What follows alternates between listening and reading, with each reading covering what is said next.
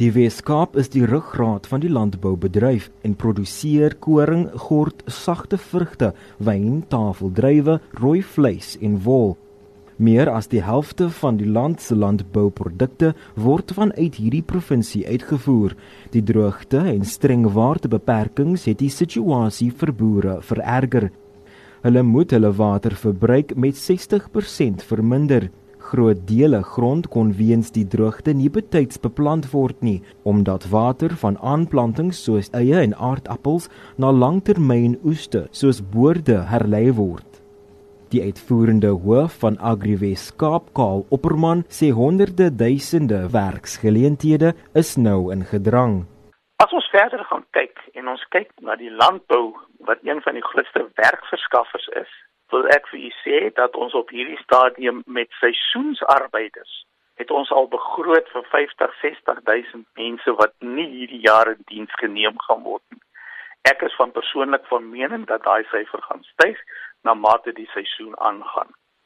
Die impak is enorm. Baie oeste verlep in die versengende hitte. Boere en werkers het met 'n aaklige ekonomiese realiteit te doen indien die krane leegloop. Opperman sê hulle raam hulle verlies aan inkomste op meer as 14 miljard rand. En daar is sekere areas in die landbou is wat al geruime tyd in dag 0 is in opsigte van water en veral in opsigte van besproeiing. Die effek wat ons hiervan het dat ons nie ons normale kwotas kan kry nie, het 'n ekonomiese impak wat wel gesien gaan word in die landsekonomie, in die streeksekonomie en die plaaslike ekonomie Opperman sê 'n uitgerekte droogte kan ook beteken dat boere nie hulle lenings kan betaal nie. Hy sê in sommige gevalle skuld boere tot 6 miljoen rand aan handelsbanke. What is the next effect? The production units have got short-term, medium-term, long-term loans. No income. How are they going to pay their payments? Some of these grain farmers in the western side of the Cape, the third year they haven't got a good crop. There's some areas here that there was no crop harvested. How are they going to satisfy the needs for the banks?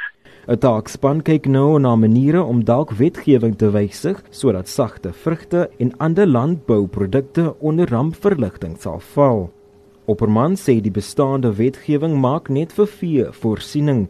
Nasionaal is daar verskeie provinsies soos die Wes-Kaap, KwaZulu-Natal, die Vrystaat, Limpopo, Mpumalanga en die Noordwes wat onder die droogte deurloop.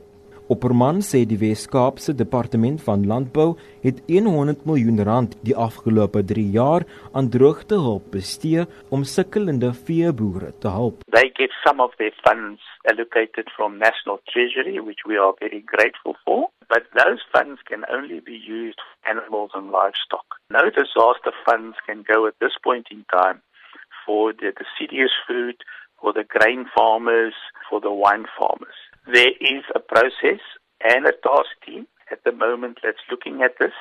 'n Woordvoerder vir water en sanitasie, Sputnik Ratau, sê intussen hulle doen alles wat hulle kan om te verseker dag 0 wanneer die damme heeltemal leeg is, raak nie die Weskaap nie.